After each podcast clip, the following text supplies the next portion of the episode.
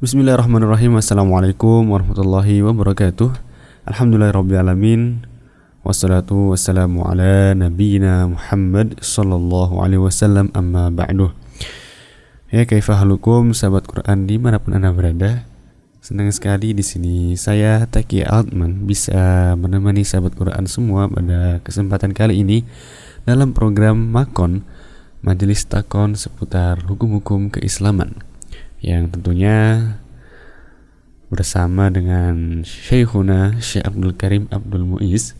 Dan juga saat ini telah hadir mutarjem kita beliau Al Ustadz Nurul Hidayat. Yang insya Allah pada kesempatan kali ini kita akan membahas pertanyaan dari sahabat Quran berkaitan dengan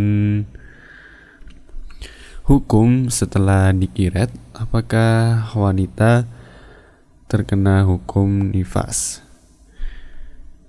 Dan bagi sahabat Quran yang memiliki pertanyaan seputar hukum Islam, silakan bisa Anda kirimkan pertanyaan tersebut di nomor SMS atau WA WhatsApp di nomor 081229888614. Ya, baik, langsung saja kita persilakan Ustaz Nurul Hidayat untuk memulai pembahasan pada kesempatan kali ini. Ya, monggo tafadhol Ustaz. Bismillahirrahmanirrahim. Assalamualaikum warahmatullahi wabarakatuh.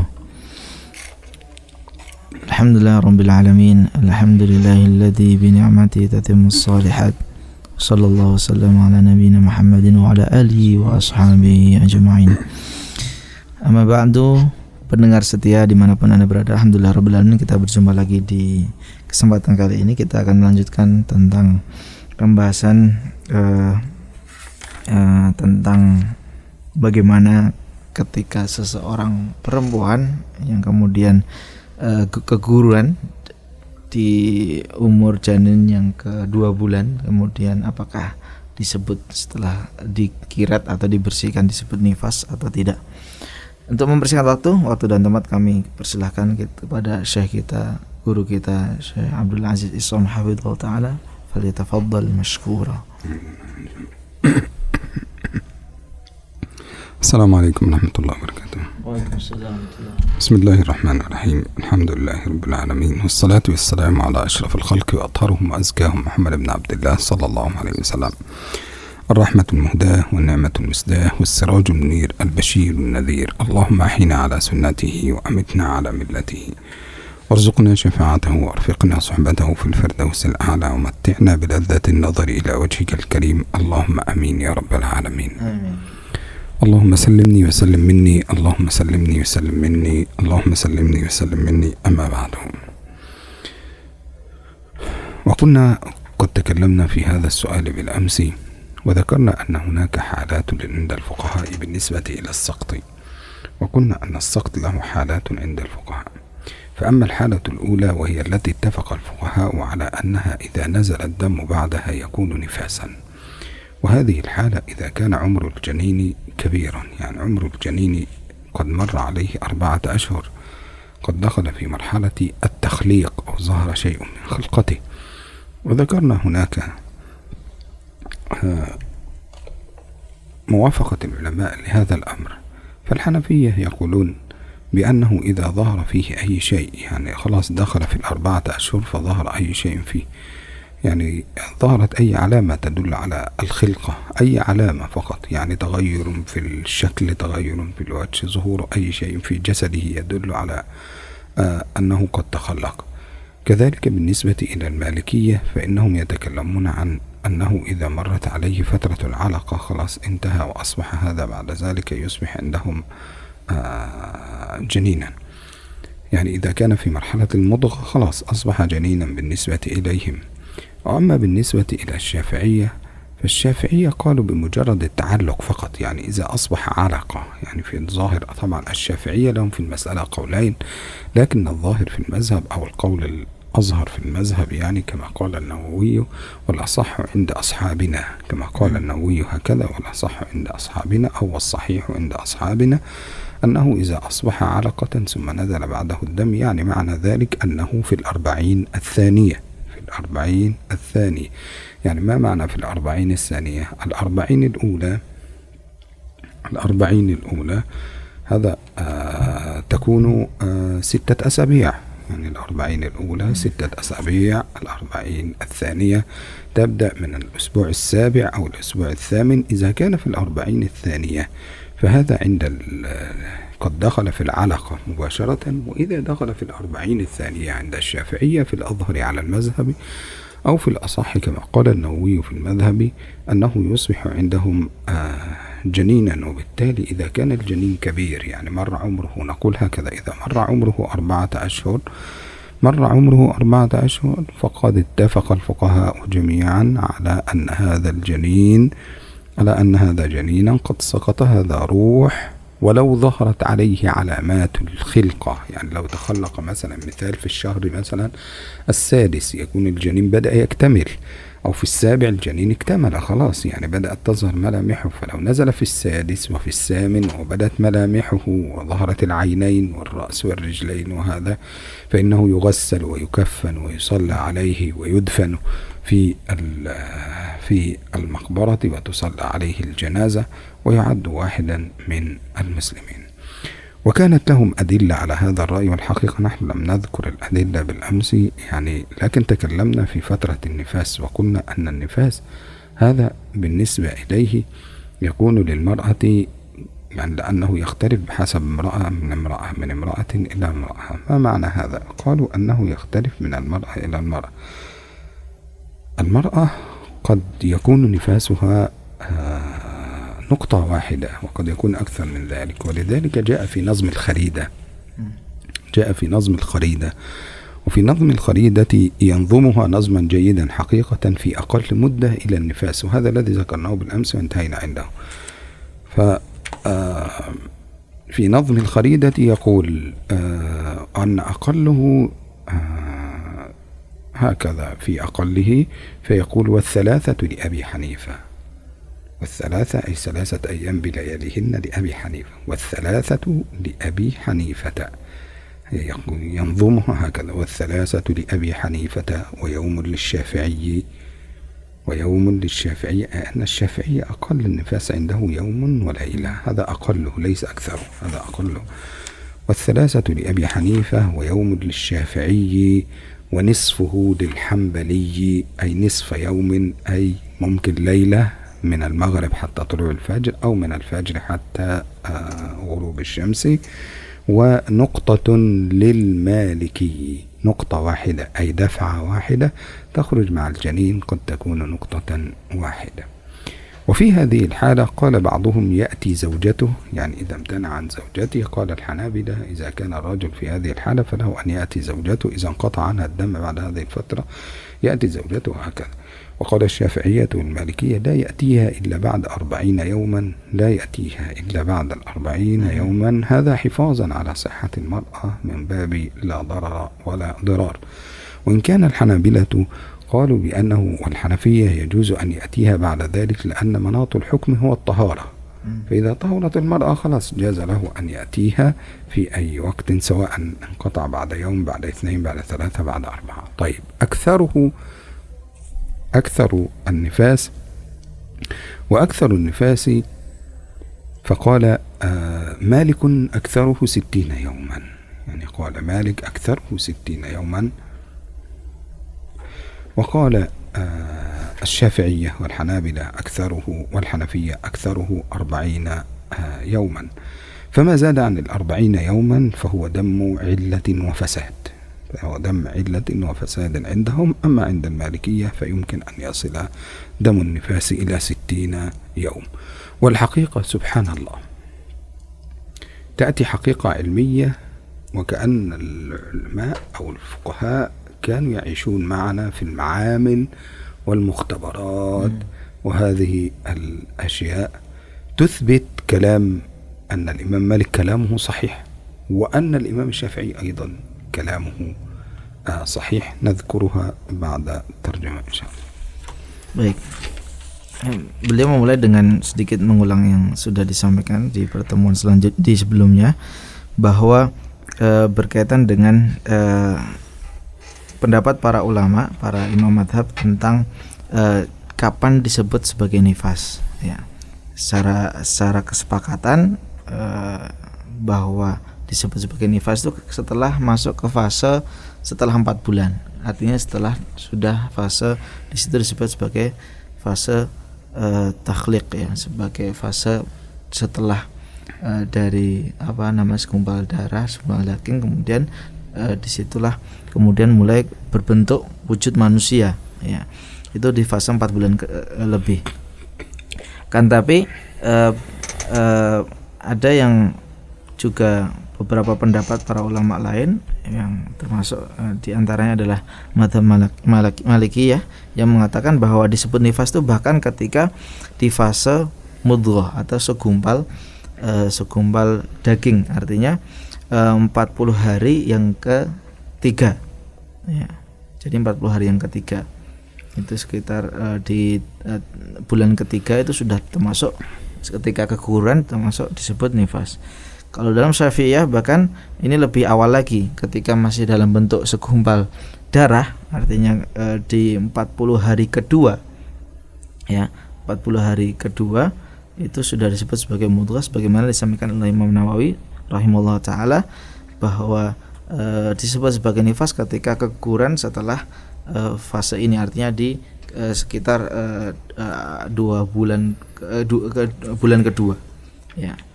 Eh, dan kemudian bahwa sebagaimana kesepakatan yang tadi yang masyur lah ya yang kemudian uh, disepakati uh, bahwa lebih dari empat bulan uh, lebih dari empat bulan itulah yang dihitung sebagai nifas. Yang mana ketika keguguran lebih dari empat bulan artinya apalagi yang sudah bulan kelima, enam ataupun tujuh bahkan yang fase ke bulan tujuh dan delapan itu sudah uh, bentuknya sudah sempurna ketika memang keguguran kemudian maka janin ini akan uh, syariatnya adalah sudah dianggap sebagai seseorang muslim. Maka dia di uh, kafani dimandikan di kafani kemudian disolatkan dan kemudian dikuburkan sebagaimana orang dewasa dalam proses uh, pengurusan jenazahnya.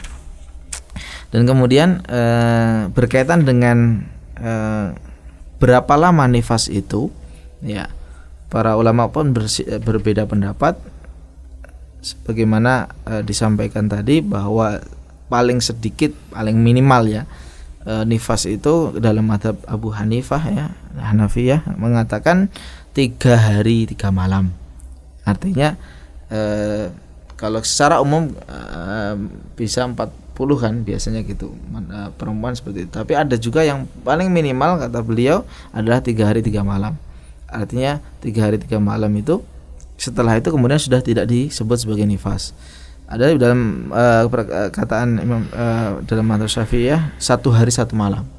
Jadi satu hari satu malam ketika memang sudah tidak keluar uh, darah lagi maka sudah bukan uh, dalam kategori sudah bersih bukan bukan nifas lagi kalau dalam madhab hambali bahkan hanya setengah hari. Bisa jadi seorang perempuan itu nifasnya hanya setengah hari, misalnya hanya siang atau malamnya saja.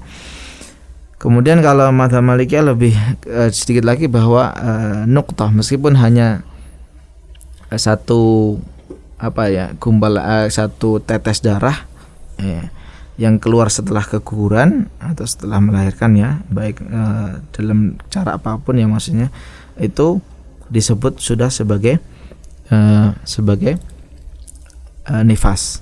Ya itu akolnya meskipun ya uh, berbeda pendapat lagi berkaitan dengan uh, kapan kemudian uh, suaminya boleh mendatangi istri yang setelah nifas tadi ketika dikatakan uh, madhab Hanafiyah tiga hari Syafi'i satu hari bukan berarti kemudian langsung uh, boleh uh, berhubungan suami istri tapi kemudian para ulama dua madhab mengatakan harus ditunggu dulu 40 hari baru boleh suaminya untuk e, berkumpul lagi dengan istrinya dari sebab untuk menjaga kesehatan istrinya. Meskipun kalau madhab yang lain membolehkan bahkan ketika sudah selesai nifas ya meskipun hanya satu hari dua hari tiga hari kemudian dibolehkan ketika sudah e, bersuci kemudian dibolehkan untuk berkumpul dengan e, suaminya. Berkaitan dengan aktsarun nifas atau paling lama masa nifas itu mata malikiyah itu 60 hari selebihnya madhab yang lain mengatakan 40 hari yang eh, mana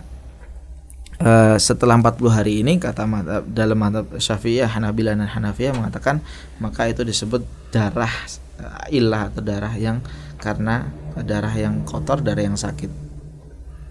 وسبحان الله نجد أن اختلاف الفقهاء هنا وكأن الله عز وجل قد نور بصيرتهم إلى هذا الأمر حتى نصل إلى هذه المرحلة التي نحن فيها في هذه الحالة ففي حتة في مثلا قول الشافعي أنه أربعين فنجد بعد ذلك الحقيقة أن الأمر يعني سبحان الله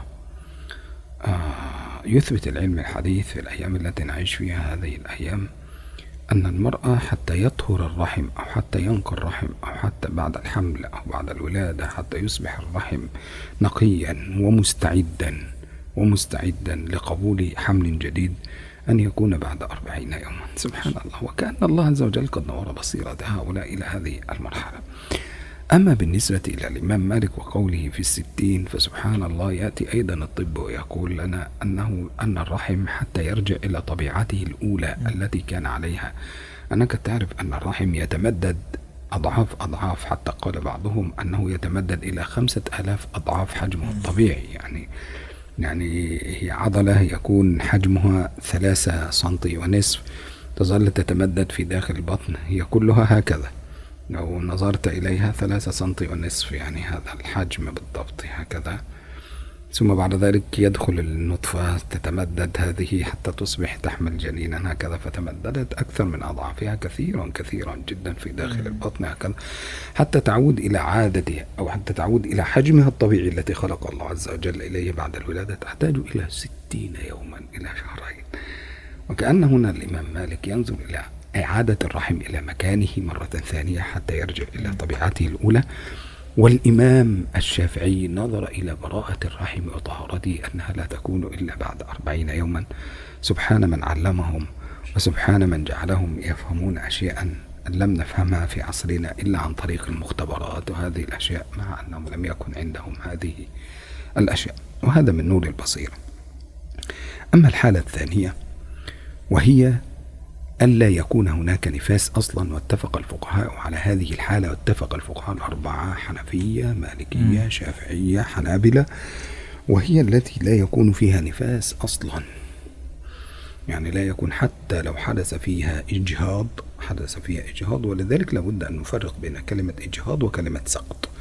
فالعلماء في اللغة العربية يفرقون بين لغة بين كلمة الإجهاض وكلمة السقط. فكلمة الإجهاض هي إذا كان الجنين ما زال لم يدخل ما زال صغيرا. يعني ما زال غير معروف أنه جنين. ما زال في المراحل الأولى يعني في الشهر الأول الأسبوع الأول الأسبوع الثاني الأسبوع الثالث الأسبوع الرابع الأسبوع الخامس السادس. إلى هنا يقولون إجهاض هنا يقولون إجهاض وهنا متفقين جميعا على أنه إذا كان في مرحلة النطفة فنزل فهذا إجهاض. ليس آه لا يسمى جنين. وفي هذه المرحلة قال المالكية سبحان الله وانظر إلى قول المالكية هنا في هذه المسألة.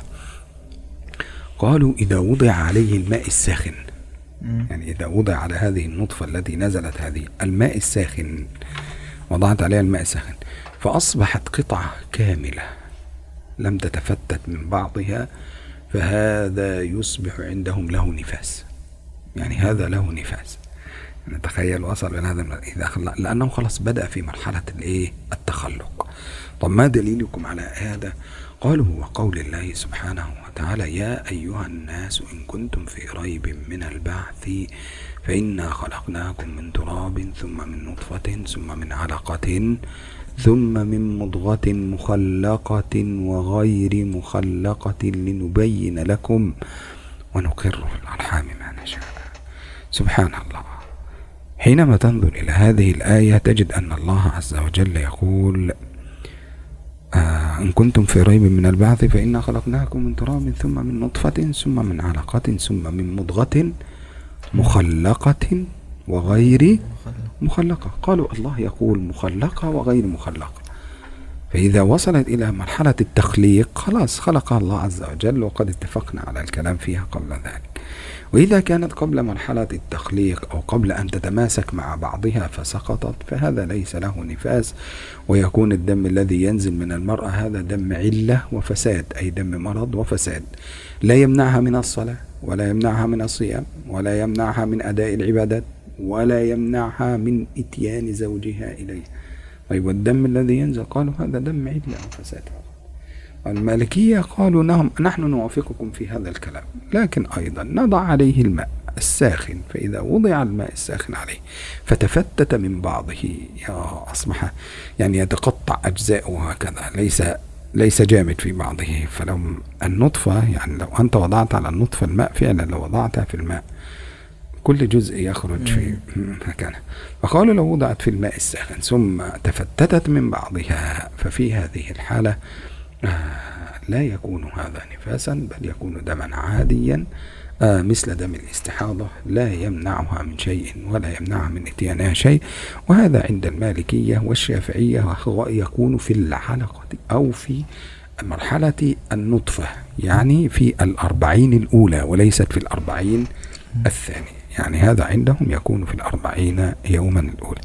إذا نزل في الأربعين الأولى اتفقوا جميعا على أنه لا يوجد فيها نفاس. هذا في الأربعين الأولى. طبعا حينما نقول الأربعين الأولى نقول ستة أسابيع. إنك تعرف الشهر أربعة أسابيع. الشهر أربعة أسابيع وضيف إليهم أسبوعين فيكون المجموع أربعين يوما يعني ما قبل الستة أسابيع الأولى. هذا لا خلاف بين الفقهاء أنه لا يسمى نفاسا بل إنه يسمى عندهم آه، استحاضة أو دم علة وفساد دم نزل بسبب المرض وبالتالي لا تكون فيه آه، عدة على المرأة ولا يكون فيه آه، أي شيء يمنع المرأة من أداء عباداتها ولا يمنعها من إتيان زوجها في هذه الحالة Baik, e, itu tadi yang kondisi pertama yang mana disepakati sebagai nifas. Kondisi yang kedua adalah yang disepakati bukan ber, bukan dalam nifas. Ya, artinya tidak dihitung nifas, yaitu e, ketika memang janin ini masih di marhalah pertama, ya, atau di e, apa namanya fase nutfah. Masih masih bentuknya adalah uh, apa namanya belum berubah menjadi masih apa namanya nutfah ya. Uh, yang belum berubah menjadi da, alaqah belum berubah menjadi segumpal darah. Yang uh, disebutnya ini adalah fase ijihad ya bukan bukan nifas karena memang uh, ini fase yang mana memang di awal sekali. Nah berdasarkan uh, sebagaimana berdasarkan pendapat uh, dalam mata Malikiyah ya bahwa caranya di antara yang uh, disampaikan dalam mata beliau adalah ketika uh, seorang perempuan keguguran kemudian keluar darah termasuk cara mengeceknya adalah dengan disiramkan air panas ya air panas. Ketika ini untuk mengetahui ya apakah nifas atau tidak. Ketika kemudian darah ini kemudian masih menggumpal ketika disiram air panas maka ini sudah marhalah takhlik sudah marhalah yang uh, sudah fase selanjutan lanjutan sudah bukan marhalah ula dan masuk dia sudah uh, fase masa uh, diciptakan. Maka kemudian ini sudah termasuk nifas. Nah sebelum itu artinya ketika disiram air panas kemudian pecah ya tidak menggumpal lagi maka itu uh, belum disebut sebagai nifas maka masa masih fase yang ketika dia keluar darah dia bukan nifas darahnya ya tapi darah karena uh, darah ilah darah penyakit yang mana dia tetap harus beribadah termasuk boleh berkumpul dengan suaminya ya tidak di uh, tidak sebagaimana nifas yang uh, hukumnya berbeda. Di antara ayatnya adalah di surat Al-Hajj ayat kelima ya. Ketika Allah berfirman, "Fa inna khalaqnakum min turabin tsumma min nutfah. Kami ciptakan kalian dari tanah kemudian dari air mani kemudian dari segumpal alaq e, darah segumpal darah alaqah thumma min mudghah. Kemudian segumpal daging yang mudghah di sini disifati dengan mukhallaqatin wa ghairi mukhallaqah ada yang sudah dalam fase penciptaan ada yang yang belum. Nah, kemudian tadi tambahan yang e, tentang bagaimana pendapat tentang banyaknya nifas ada yang Imam Malik 60 hari kemudian Syafi'i 40 hari itu masya Allah sekali bahwa seakan-akan kalau e, para ulama itu diberikan ilmu basirah oleh Allah Subhanahu Wa Taala untuk melihat bahwa eh, benar-benar dua pendapat ini secara medis sekarang terbukti ya. Padahal waktu itu tidak ada tentu tidak ada laboratorium dan seterusnya. Bahwa ketika disampaikan oleh Mata Syafi'i 40 hari banyaknya eh, paling banyak nifas itu 40 hari karena memang rahim itu ketika dibersihkan dan kemudian siap untuk kemudian eh, dibersihkan eh, maksudnya eh, rahimnya bersih dan kemudian siap untuk kemudian ha, apa namanya eh, istilahnya eh, hamil lagi itu setelah 40 hari. Ya dan kemudian kalau yang pendapat e, kedua Malik e, Imam Malik mengatakan 60 hari karena 60 hari ini fase di mana rahim akan kembali seperti semula. Tidak hanya bersih tapi kembali seperti semula. Karena ketika masa hamil itu e, ribuan kali rahim itu membesar. Ya karena apa? Tempat di mana dari pertama setetes air kemudian menjadi se, se, apa namanya? E, apa menjadi makhluk yang mana sangat besar sekali yaitu bayi ya. Maka kemudian ketika butuh 60 hari untuk kemudian menjadi kembali seperti semula. بهذا حينما ننظر في الفقهاء أو في في كلام الفقهاء نجد أننا بين ثلاث حالات الحالة الأولى اتفاق على وجوب النفاس الحالة الثانية اتفاق على عدم النفاس أما الحالة الثالثة وهي التي فيها حيرة عند العلماء أو فيها خلاف بين الفقهاء. يعني الحالة الثالثة هي التي فيها خلاف بين الفقهاء. وهي التي وقعت بين مرحلة الأربعين يوما الأولى والتي وقعت بين مرحلة التخليق. والحديث جاء في حديث النبي صلى الله عليه وسلم إن أحدكم يجمع في بطن أمه أربعين يوما نطفة ثم أربعين يوما علقة ثم أربعين مطغة ثم يأمر الله الملك. وفي رواية يجمع أحدكم في بطن أمه أربعين يوما نطفة ثم أربعين يوما علقة ثم يأمر الله الملك. وفي رواية ثم يوكل الله به ملكا فيكتب رزقه وأجله وعمره وشقي أم سعيد؟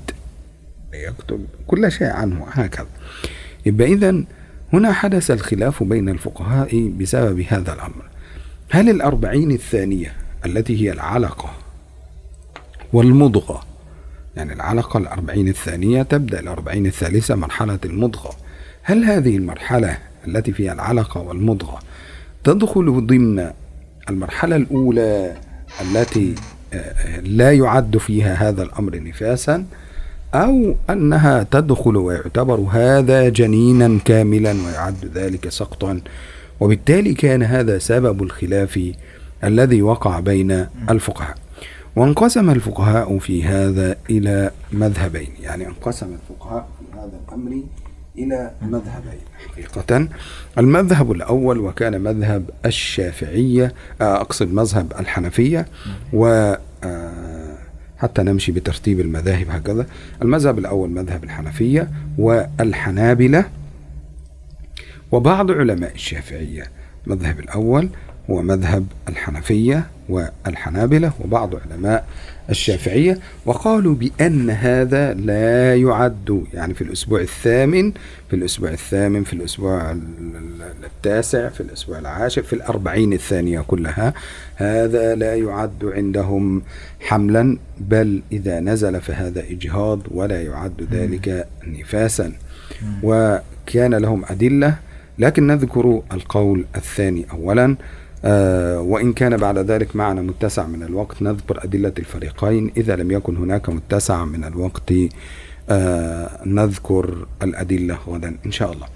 المذهب الثاني وكان مذهب المالكية ومذهب المالكية والشافعية في الأظهر في المذهب أو كما قال النووي في الأصح في المذهب أن العلقة الثانية يطلق عليها جنينا وبالتالي إذا نزل هذا فإنه يسمى جنينا و يكون الدم الذي نزل هذا دم آه، نفاس وليس دم علة وفساد. إذا في المذهب الأول أن الدم الذي نزل هو دم استحاضة أو دم علة وفساد. أما المذهب الثاني وهو مذهب المالكية والشافعية فإن هذا الأمر يكون دم نفاس وليس دم استحاضة أو دم علة وفساد. Baik. Kemudian kalau kita lihat uh, dari uh, penjelasan tadi ada kesimpulannya ada tiga. Waktu yang disepakati sebagai uh, disepakati mutafak bahwa itu adalah waktu kalau sudah keguguran maka nifas. Yaitu ketika sudah uh, janin itu sudah empat empat bulan ke atas. Ya. Itu marhalah yang sudah disepakati.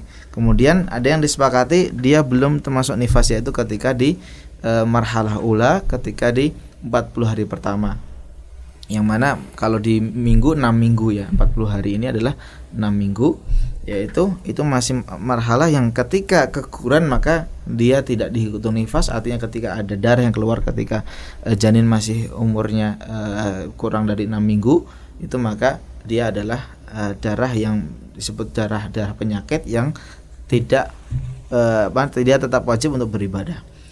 Yang ketiga adalah yang menjadi perbedaan pendapat mana yang dis, apakah ini disebut sebagai nifas atau tidak adalah fase ketika setelah nutfah sampai takhlik ya sampai dia disebut sebagai uh, makhluk yang sudah diciptakan. Yang mana uh, fase ini memang uh, memang menjadi dua dua mata besar nanti.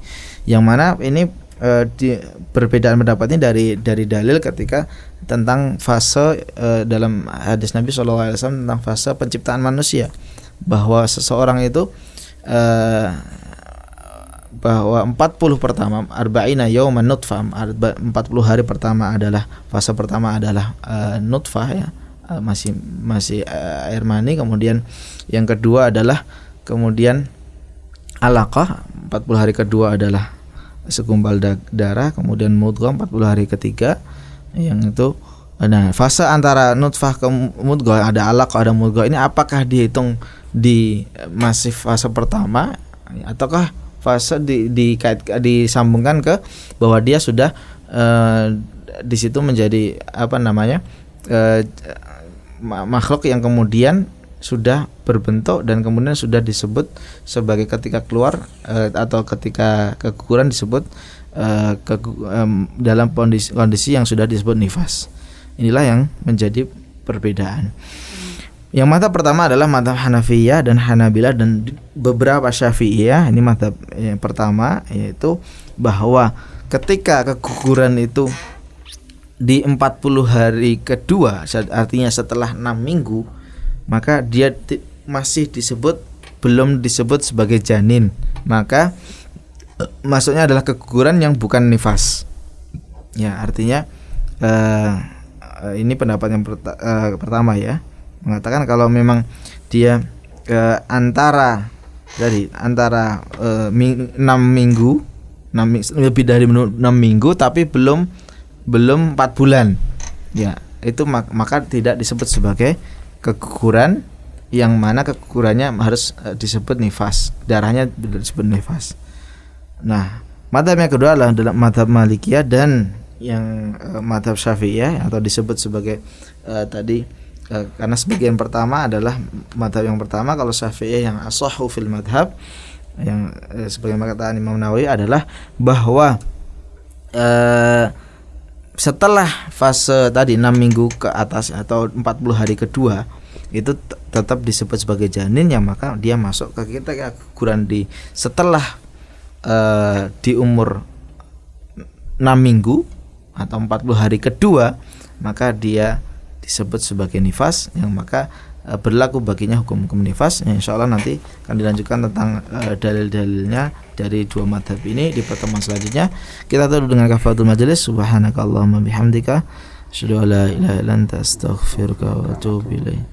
Assalamualaikum warahmatullahi wabarakatuh. Waalaikumsalam warahmatullahi wabarakatuh. Syukran jazakumullah kepada Ustadz Nurul Hidayat Yang pada kesempatan kali ini masih belum selesai ya pembahasannya Dan insya Allah kita akan lanjutkan di sesi berikutnya Dan tentunya hanya di 99.9 FM Radio Iskarima, sahabat Anda belajar Al-Quran. Dan bagi sahabat Quran yang memiliki pertanyaan seputar hukum keislaman, silakan Anda bisa kirimkan pertanyaan tersebut ke nomor SMS atau WhatsApp di 081229888614. Dan insya Allah akan kita bahas pertanyaan Anda di sesi selanjutnya.